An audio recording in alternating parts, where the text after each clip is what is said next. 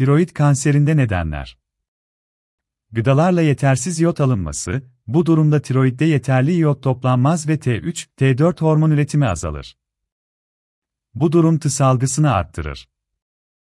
LSH ise hormon yapımını arttırabilmek için tiroid hücrelerinin çoğalmasına neden olur. Bu olay sonucunda tiroidde iyi huylu büyümeler ortaya çıkar. Bu temelde koruyucu bir mekanizma olup hastaların hormon düzeyini normale getirmeye yöneliktir. Ancak hücreler çoğalırken bu hücrelerde genetik değişiklik, genetik mutasyon, olasılığı artabilir ve sonuçta hücreler kontrolsüz çoğalmaya başlayabilir. İyot eksikliği ile radyasyonun neden olduğu kanser arasında oldukça net bir ilişki olduğu söylenebilir.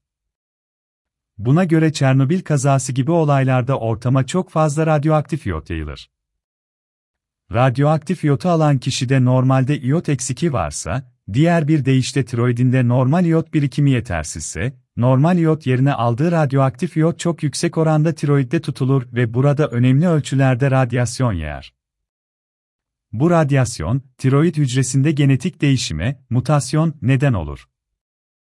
İyot eksikliği olan hastalarda zaten hücre çoğalmasında bir artış söz konusu olduğundan bu hücrelerde daha kolay mutasyon ortaya çıkabilir ve tiroid kanserine kadar giden süreç başlar.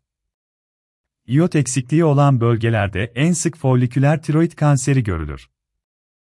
Gıdalarla fazla iyot alınması, bu durumun hangi mekanizmalarla kansere yol açtığı tam olarak bilinmemektedir.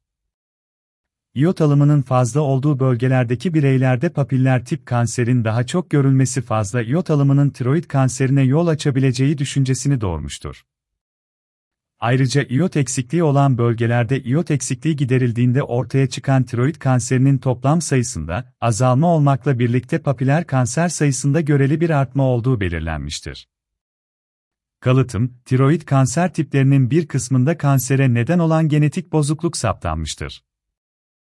Bu bozukluğa sahip olan bireyler bunu kalıtım yolu ile daha sonraki kuşaklara akatarabilmekte ve aktarılan bireylerde de kanser gelişmektedir.